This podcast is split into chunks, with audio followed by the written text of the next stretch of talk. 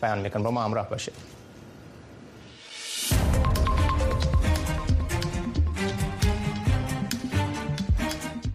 سرخط سه خبر مهم در برنامه امروز تلویزیون آشنا صدای امریکاست واشنگتن. شهروندان ترکیه امروز در دوره دوم انتخابات ریاست جمهوری در رقابت بین رجب طیب اردوغان رئیس جمهور برحال و قلیچ داراغلو رقیب وی شرکت کردند.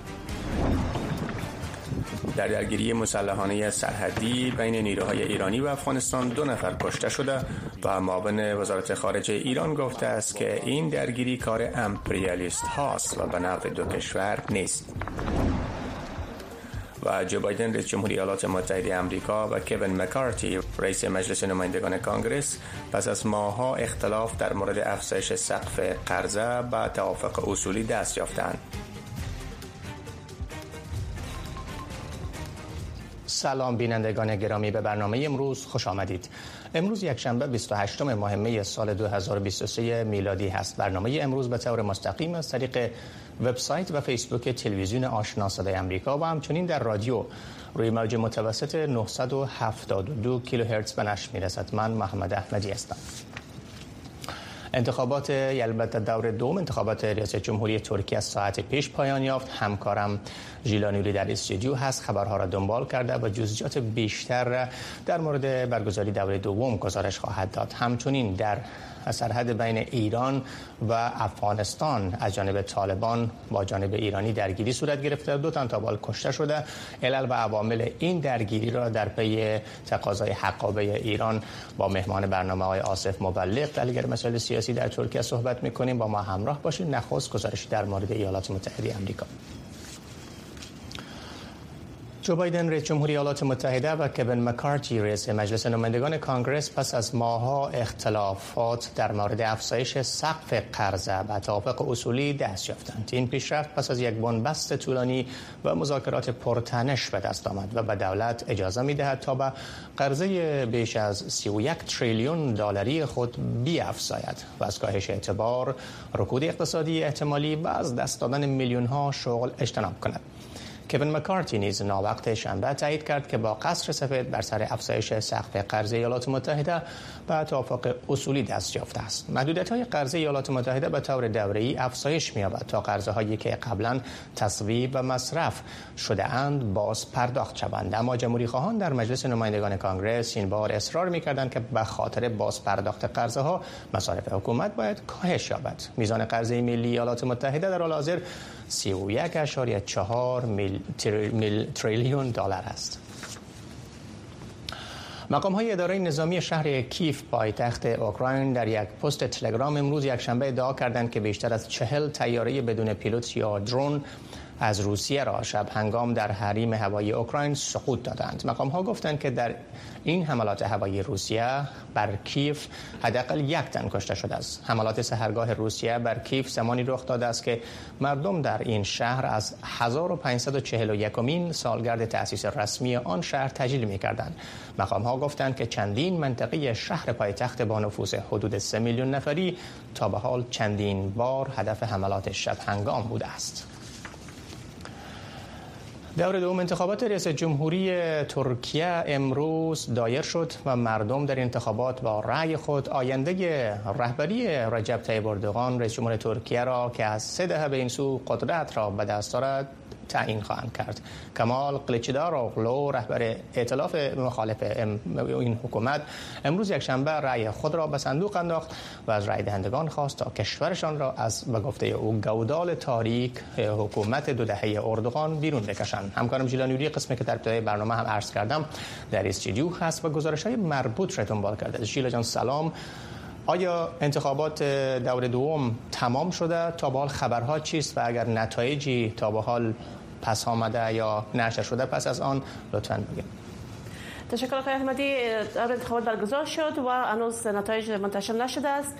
طیب اردوغان با شرکت در دور دوم انتخابات رای خود در حال به صندوق انداخت که کمال قلیچدار اغلو رهبر مخالف از او نیز به پای صندوق رای رفت تا اینکه کشور مردم ترکیه تعیین کنند. اردوغان با پیروزی در انتخابات می تواند که قدرت خود به دهه سوم برساند اما بر اساس نظرسنجی ها هر دو رهبر در تنگاتنگ حمایت رای دهندگان قرار گرفتند. دوره دوم انتخابات آزمون برای خاتمه بخشیدن به قدرت اردوغان پس از بیشتر دو دهه باشد. ترکیه یک قدرت نظامی و عضو ناتو با 85 میلیون نفوذ است. کمال قلیچدار اورغرو کاندید مخالف با تعهد در زمینه تغییرات در پالیسی های داخلی اقتصادی اردوغان در انتخابات کمپاین کرده است. شهر بیشتر گزارش های رویترز آماده کردیم که به توجهش می‌رسم. ترکیه امروز یک شنبه دور دوم انتخابات رئیس جمهوری را با عنوان از بودن قدرت رهبری اردوغان پس از دو دهه در این کشور برگزار کرد. امیدوارم خوب شود و امید دارم قسمی که می‌گویند امید بر آمدن بهار است.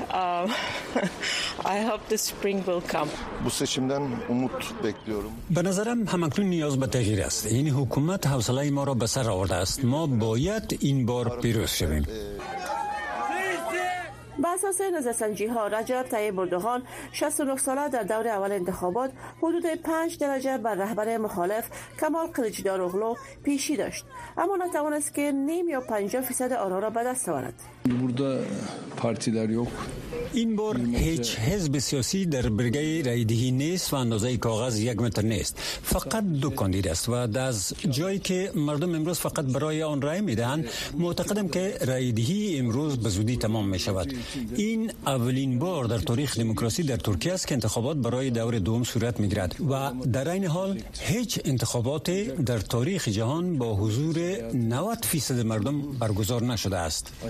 اردوغان با وجود بالا رفتن قیم مصارف زندگی در ترکیه خلاف انتظارات حمایت قوی تر را به دست آورده است و انتخابات پارلمانی را در اتحاد با حزب عدالت و انکشاف یک حزب محافظه‌کار و اسلامگرا به رهبری او می باشد برنده شده است. کمال کلیچدار اوغلو 74 ساله است. و در این انتخابات کاندید حزب ائتلاف متشکل از شش حزب است. و رهبر حزب جمهوری مردم است که این حزب توسط مصطفی کمال اتاتورک بنیاد نهاده شده است. اتباع کشور دعوت می‌کنند که به پای صندوق رای بروند و دموکراسی واقعی و آزادی را به کشور ما بیاورند و از شر رژیم سرکوبگر و خودکامه خلاص شوند. بگذارید همه رای بدهند و بعد از آن از صندوق رای حفاظت کنید. این انتخابات آینده ترکیه را که یک کشور عضو پیمان ناتو با نفوذ 85 میلیون نفر است تعیین خواهد کرد. و مسیر اقتصاد آن کشور را در حالی که از یک دهه بدین سو ارزش لیره به یک دهم ارزش آن در برابر دلار رسیده است مشخص می سازد ترکیه در این حال یکی از بزرگترین کشورهای میزبان مهاجرین است. در این کشور حدود 5 میلیون پناهجو و شمول بیشتر از 3 میلیون پسوری زندگی می کنند ژیلا نوری تلویزیون آشنای صدای آمریکا واشنگتن. روز یاد بود از نظامیان امریکایی یکی از روزهای رخصتی در ایالات متحده است که به کسانی که در حین خدمت در جنگ های امریکا جان خود را از دست دادن اختصاص داده شده است. به مناسبت این روز که در آخرین دوشنبه ماه می تعیین شده است در شهر واشنگتن دی سی مراسم مختلف دایر می شود شرح گزارش صدای امریکا را همکارم نجیب خلیل به توجه می رساند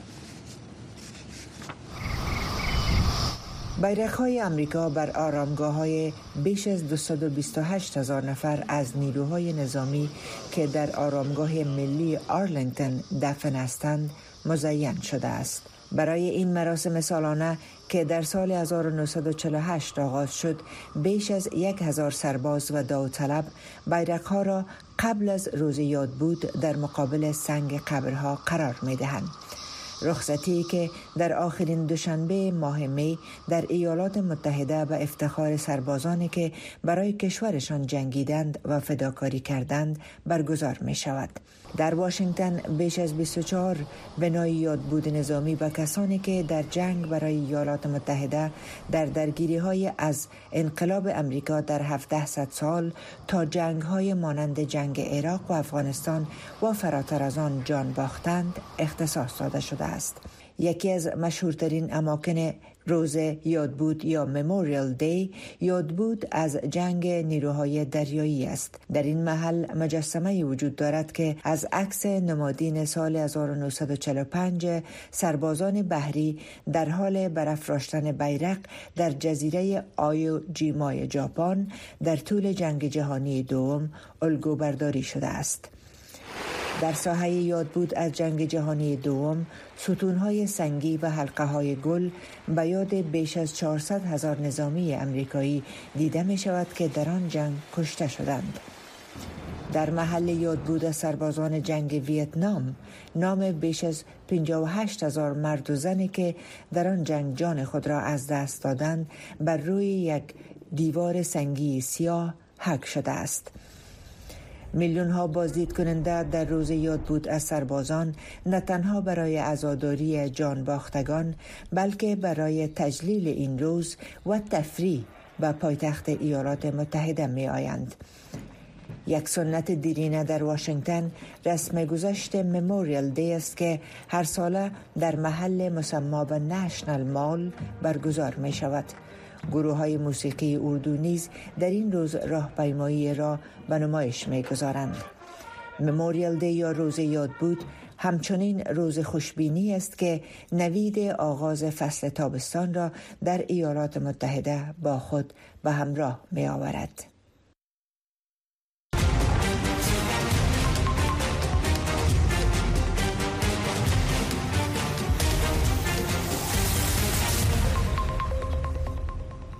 در نتیجه حمله انتحاری یک مرد مسلح موترسایکل سوار بر کاروان نیروهای امنیتی در منطقه دیره اسماعیل خان ایالت خیبر پختونخوا پاکستان 23 اسکر پاکستانی زخمی شدند. این مطلب را مقامات استخباراتی این منطقه که از افشای نامشان خودداری کردند به رادیو مشعل بخش پاکستان رادیو آزادی گفتند. مقام های پاکستانی گفتند که اساکر مجروح به شفاخانه نظامی دیر اسماعیل خان منتقل شدند و عملیات جستجو در منطقه آغاز گردیده است. هنوز کسی یا گروهی مسئولیت این حمله را به عهده نگرفته اما گروه تحریک طالبان پاکستان مسئول بیشتر حملات در این کشور پنداشته می شود سید رسول موسوی معاون وزیر خارجه ایران در واکنش به درگیری های مسلحانه سرحدی ایران با طالبان در یک پست توییتر گفته است که این درگیری کار امپریالیست هاست و به نفع دو کشور نیست. وزارت دفاع حکومت طالبان از وقوع درگیری روز شنبه در سرحد با ایران اظهار تأسف کرده و ایران را متهم کرد که درگیری را در منطقه کانک ولایت نیمروز آغاز کرد. طبق اعلامیه طالبان حکومت آن گروه بر گفتگو برای حل این مسئله تاکید دارد و به گفته آنها بهانه جویی برای جنگ به نفع هیچ یک از طرفین نیست حداقل دو نفر در این درگیری های روی حقابه که از طرف ایران مطرح شده است کشته شدند برای بررسی علل و عوامل و همچنین پیامد این درگیری سرحدی ایران با طالبان. با آقای آصف مبلغ تحلیلگر مسائل سیاسی صحبت می‌کنیم که از ترکیه در تماس مستقیم هستند. آقای مبلغ سلام روزتان بخیر. سپاس از حضور شما در برنامه. به نظرتون چه عواملی باعث شده که موضوع حق آبه از طرف ایران مطرح شود و در نهایت طی روزهای گذشته به درگیری سرحدی بیانجامه؟ آیا فکر می‌کنین عوامل دیگری به غیر از موضوع حقابه هم دخیل است؟ با سلام و درود خدمت شما و بیننده های محترم شما واقعیت قضیه این هست که اکثر تحلیلگرای که مسائل افغانستان را پیگیری می کنند بر این باور هستند که بحث حقابه یک بحث فرعی هست و آنچه که امروز باعث تنشدار شدن رابطه بین ایران و طالبان شده. مسائل استخباراتی هست که ایرانی ها به دست پیدا کرده از جمله در سفر اخیر مقامات قطری گفته میشه که کارشناسان اسرائیلی هم مقامات قطری را در قندهار مشایعت می‌کرده. از طرف دیگه جابجایی های هست در نوار مرزی ایران در شکوک طالبان صورت گرفته. شما می‌فهمید که نیروهای جنگی طالبان متشکل از مجموعه های مختلف هست و خصوص در قسمت های غربی افغانستان بلوچ های ناراضی ایران هم در خصوص طالبان در طی سالهای اخیر مخصوصا ده سال اخیر بودن جنگ کردند و امروز فرماندهان ارشد اونا در نوار مرزی جابجا شده و به جای فرماندهان سابق که نزدیک به ایران بودن مثل ملا قیوم مثل صدر ابراهیم که کلا کشته شدن ملا مزمل که در بلخ کشته شد.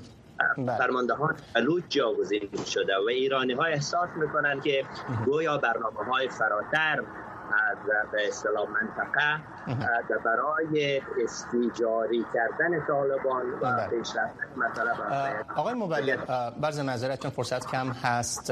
رئیس جمهور ایران چندی پیش لحن اختارآمیزی را داشته بود و گفته بود که از حق حقابه خود نمیگذره و از او دفاع می‌کنه. حالا معاون وزیر خارجش میگه که جنگ به نفع ما نیست. به نظرتان با این جنگ آیا لحن تهدیدآمیز یا اختارآمیز ایران اختارآمیز ایران به پایان می‌رسه؟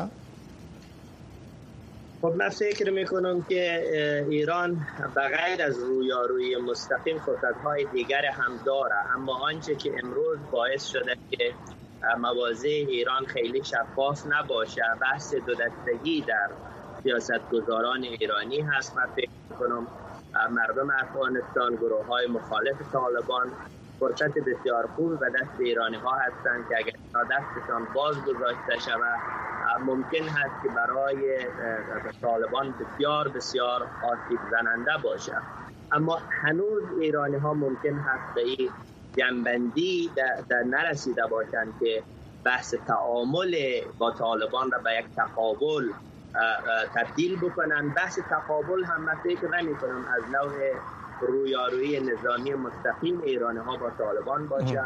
آنچه که احتمال میره این هست که ممکن هست که گروه های مخالف طالبان را دستشان را باز بگذاره و یا حداقل امکانات را در اختیار اونا قرار بدن. چون گفته میشه که بحثای امنیتی مخصوصا مولوی نقشبندی که خواستار مبارزه مسلحانه بلوچ های ایران در مقابل جمهوری اسلامی شد و امروز میگن در نمروز مستقر شده و تحت حمایه طالبا قرار دارد.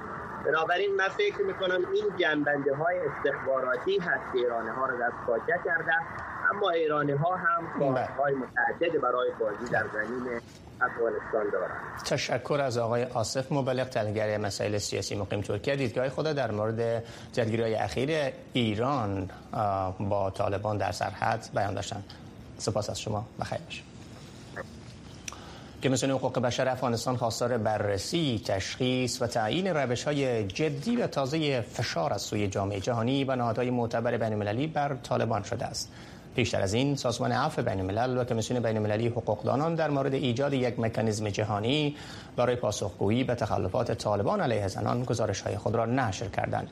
کمیسیون حقوق بشر افغانستان که فعالیت خود را از بیرون این کشور به پیش می‌برد در اعلامیه با اعلام حمایت از این گزارش دو نهاد مدافع حقوق بشری گفت که باید در جریان مشورت با فعالان حقوق بشر و مدنی چنین مکانیزمی ایجاد شود. کمیسیون مستقل حقوق بشر افغانستان در اعلامیه گفته است که از نهادهای معتبر جهانی و دولت‌های اثرگذار در امور افغانستان می‌خواهد تا در مشورت با نهادهای حقوق بشری و فعالان مدنی روش‌های جدی و جدید فشار بر طالبان را بررسی تشخیص و تعیین کنند. عفو بین روز جمعه 26 ماه می که مصادف با پنجم جوزا بود. در گزارش گفت که ادامه محدودیت ها و سرکوب غیر قانونی زنان باید شامل خشونت های ضد بشری و جنسیتی باشد و بر اساس قوانین بین المللی مورد بررسی قرار گیرد. اما سبیل الله مجاهد سخنگوی حکومت طالبان در گفتگو با های داخلی گزارش سازمان عفو بین الملل و کمیسیون بین المللی حقوقدانان را رد کرد و آن را بی اساس خواند. مجاهد گفت که پس از روی کار آمدن طالبان در افغانستان حقوق زنان در چارچوب قوانین شریعت حفظ شده است.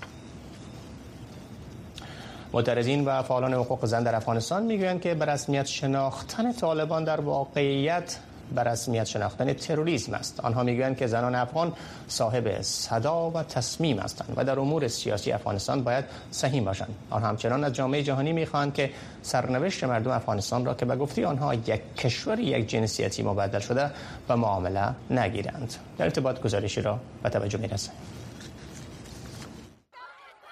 معترضین زن در افغانستان در حالی که طرفدار باز بودن راه تعامل با طالبان هستند می‌گویند که آینده مردم افغانستان نباید مورد معامله قرار گیرد. آنها می‌گویند که افغانستان اکنون به یک کشور یک جنسیتی مبدل شده و جامعه جهانی نباید در فکر برسمیت شناختن آنها باشد. ملل متحد جامعه جهانی برسمیت شناختن حکومت طالبان برسمیت شناختن تروریسم است. راه تعامل همیشه باید باز باشد اما تعامل معامله نیست. سرنوشت سی میلیون نفوس افغانستان را به معامله نگیرید. فعالین حقوق زن همچنان می‌گویند که زنان افغان مصمم و باصدا هستند و باید در همه جوانب سرنوشت سیاسی کشورشان دخیل باشند و سرنوشت خود را خودشان باید رقم بزنند. افغانستان هنوز در گیر دار قدرت و سیاست ابزار دست بیگانگان است. زنی افغانستان صاحب صدا و تصمیم است در مورد زنی افغانستان سخن نگوید. با خود زنی افغانستان سخن بگوید. نه به سیاست های ابزار یکسویه نه به یک کشور یک جنسیتی نه به یک جغرافیای فلج نه به تصامیم مردانه در مورد زن نه به نشستی دو. این معترضین می‌گویند که زنان افغانستان هیچ گروه و تصمیم را که حقوق زنان در آن در نظر گرفتن نشود نمیپذیرند. هر نشست مربوط به سرنوشت سیاسی کشور بدون حضور زنان از دیدگاه ما مردود تحریم است. در نشست های مربوط به دولتداری طالبان را باید وادار به یک حکومت فراگیر ملی با حضور همه جانبه زنان کرد. ما زنان افغانستان هیچ گروه و تصمیمی را که حقوق زنان در آن در نظر گرفته نشود نمیپذیریم. زنان افغانستان که خود صاحب صدا و تصمیم است باید در همه جوانب سرنوشت سیاسی کشور دخیل باشد. اما این تنها زنان افغانستان نیستند که مخالف عملکرد طالبان و به رسمیت شناختن آنهاست. مطلقا فکر نمی کنم که طالبان باید به رسمیت شناخته شوند. آنها اصلا کاری نکردند که هیچ نوع مشروعیت را از مردم خود کسب کنند. چی رسد به جامعه جهانی؟ واضح است. آنچه که آنها در تلاش انجام آن هستند این است که آهسته آهسته به وضعیت برسند که مردم حکومتشان را به عنوان یک واقعیت بپذیرند این کار است که ما هرگز نباید انجام دهیم. البته تا زمانی که آنها به چنین شیوه حکومتداری که تا اکنون انجام دادند ادامه دهند. با این حال طالبان همواره ادعا کردند که تمام شرایط به رسمیت شناخته شدن را برآورده ساختند. حکومتشان همه شمول است حقوق زنان و اقلیت ها حفظ شده و امنیت در سراسر کشور برقرار است. نجیب خلیل تلویزیون آشنا صدای امریکا واشنگتن. مرور هفتوار بر مهمترین رویدادها و گزارشها از افغانستان و جهان هر جمعه شب از ساعت هفت تا هفت و سی در برنامه سی دقیقه از تلویزیون آشنا صدای امریکا پخش زنده این برنامه را در نشرات ماهواره‌ای صدای امریکا نیز دنبال کرده می توانید.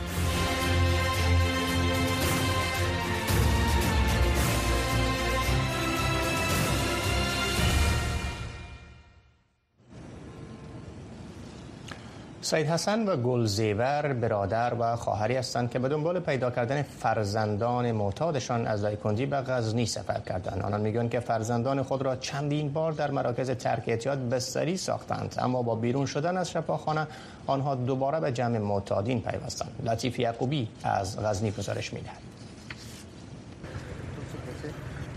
درد مشترک خواهر و برادری که فرزندانشان معتاد به مواد مخدر است. سید حسن و گلزیور باشنده ولایت دایکندی هستند. هر دو به هدف پیدا کردن پسران معتاد خود به غزنی آمدند. گلزیور می‌گوید فرزند خود را بارها در مراکز ترک اعتیاد بستری ساخته اما نتیجه در پی نداشته است.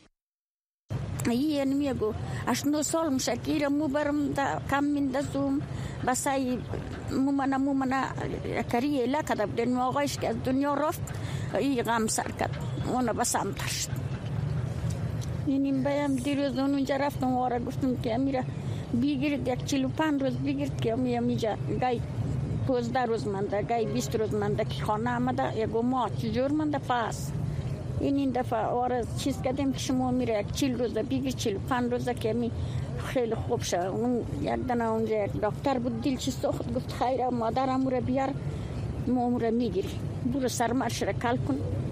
والا گریه از را می‌بینم میگم نباشم در دنیا. زمین چاک شود درایم و چی کنیم؟ مواد مخدر میکشانم ما ولی تصمیم خودم این دفعه جدی گرفتیم که چون همگی از پیش ما زیاد میشه مادر کل قوم همگی اذیت میشه از پیش ما.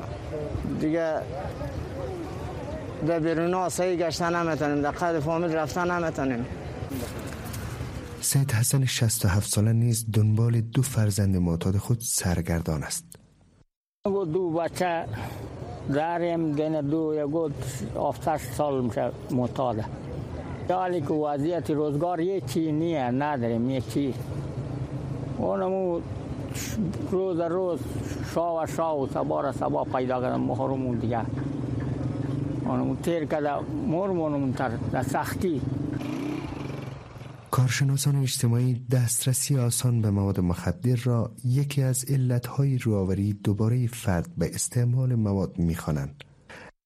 امی جوانایی که به حساب آلوده میشه یکی از عوامل اصلی ریشه اصلی و مبنای اصلی برای که در واقع مواد به اندازه کافی به دسترس اینا قرار می‌گیره. که ریشه کار باید در نظر گرفته شود که باید جلوگیری شود. این در حالی است که به گفته مسئولان حکومت طالبان آنان در زمستان سال گذشته ده ها هزار معتاد را از سراسر کشور جمعآوری و به مراکز ترک اعتیاد منتقل ساختند. لطیف یعقوبی تلویزیون آشنا صدای امریکا غزنی.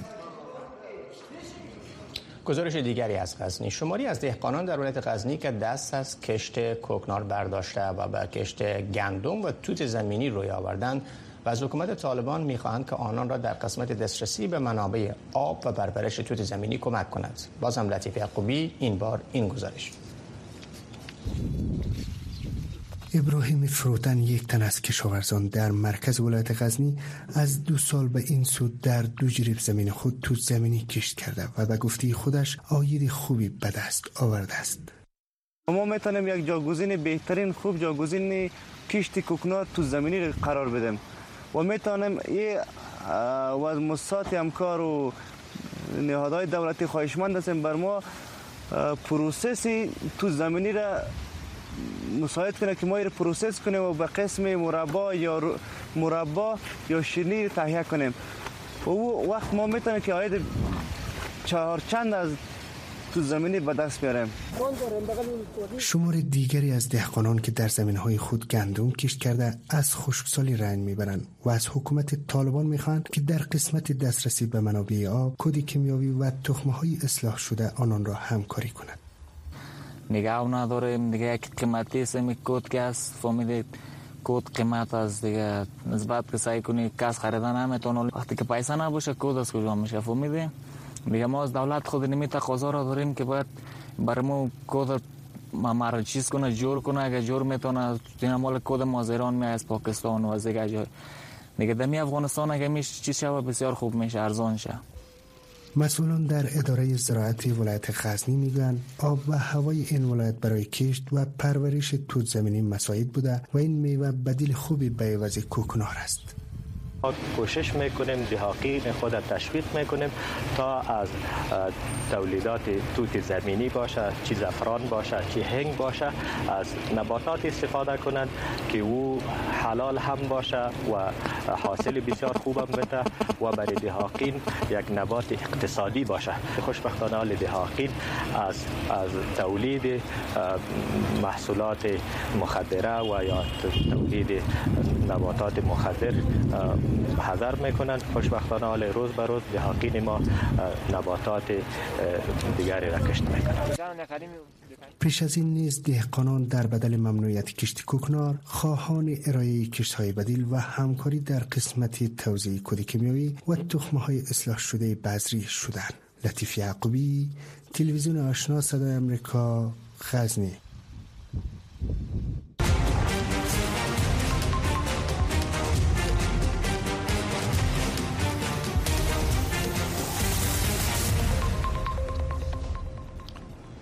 بینندگان گرامی این بود. داشته های برنامه امشب تلویزیون آشنا صدای امریکا تا لحظات بعد شما شنونده و بیننده نشرات رادیو آشنا صدای امریکا خواهید بود که از طریق وبسایت و فیسبوک صدای امریکا به طور نشر بشود موفق و کامیاب باشید.